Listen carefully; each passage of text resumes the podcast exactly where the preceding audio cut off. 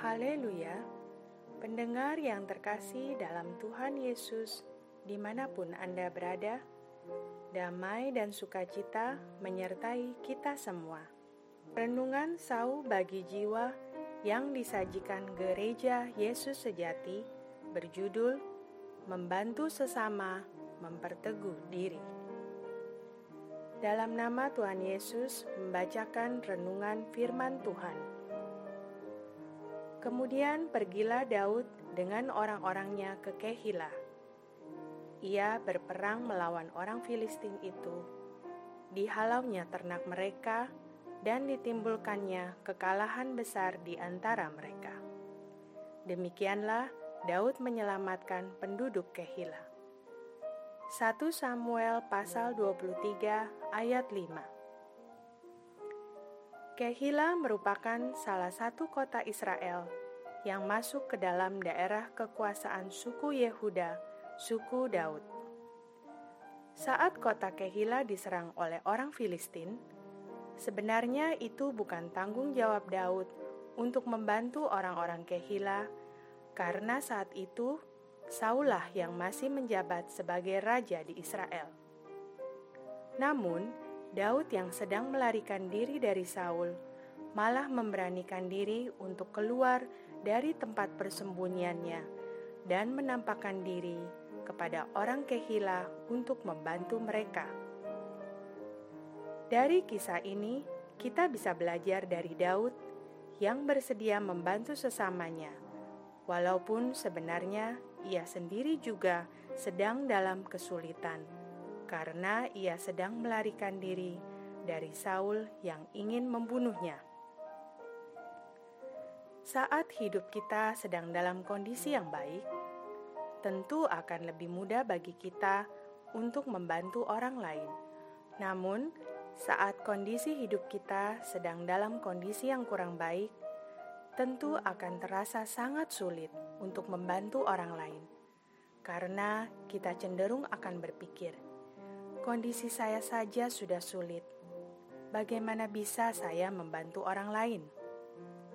Membantu yang dimaksud di sini tidaklah harus berupa memberikan bantuan materi atau tenaga, tetapi bisa juga dalam bentuk waktu. Jika kita mengetahui teman kita sedang berada dalam kondisi yang sulit, kita bisa membantunya dengan memberikan waktu yang kita miliki untuk menjadi pendengar yang baik bagi mereka yang ingin berbagi keluh kesahnya. Kita juga bisa membantu menghibur teman kita dengan mengirimkan lagu-lagu rohani yang memiliki lirik yang sesuai dengan situasi yang sedang dihadapi teman kita, dan kita juga bisa mengirimkan ayat-ayat atau renungan firman Tuhan yang bisa menguatkan iman teman kita tersebut. Tidak hanya itu, kita juga bisa mengajaknya untuk berdoa bersama, sehingga kita bisa menguatkan satu sama lain di dalam Tuhan. Ketika kita sedang menguatkan iman teman kita yang sedang mengalami kesulitan, sebenarnya kita juga sedang menguatkan iman diri kita sendiri Ketika kita menjadi pendengar yang baik bagi teman kita, kita tentu berusaha menemukan kata-kata yang tepat untuk menguatkan teman kita, dan kata-kata yang sama juga sesungguhnya menguatkan diri kita sendiri. Ketika kita mengirimkan lagu-lagu rohani dan ayat-ayat firman Tuhan kepada teman kita, kita juga sedang memperkuat iman kita kepada Tuhan lewat lagu dan ayat-ayat firman Tuhan tersebut.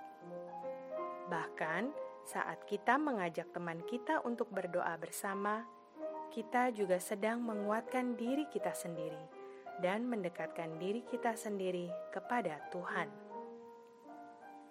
Sama seperti Daud yang membantu orang-orang Kehila.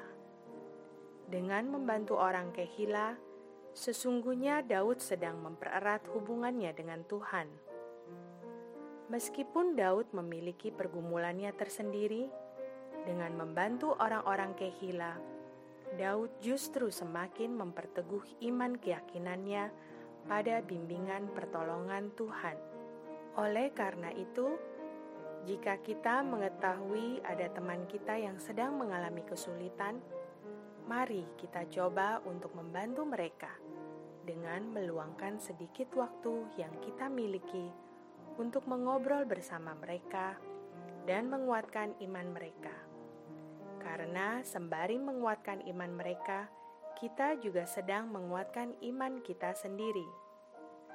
Dan jangan lupa untuk selalu memasukkan nama mereka ke dalam doa kita setiap hari, sehingga kiranya iman mereka dan juga iman kita bisa tetap kuat di dalam Tuhan.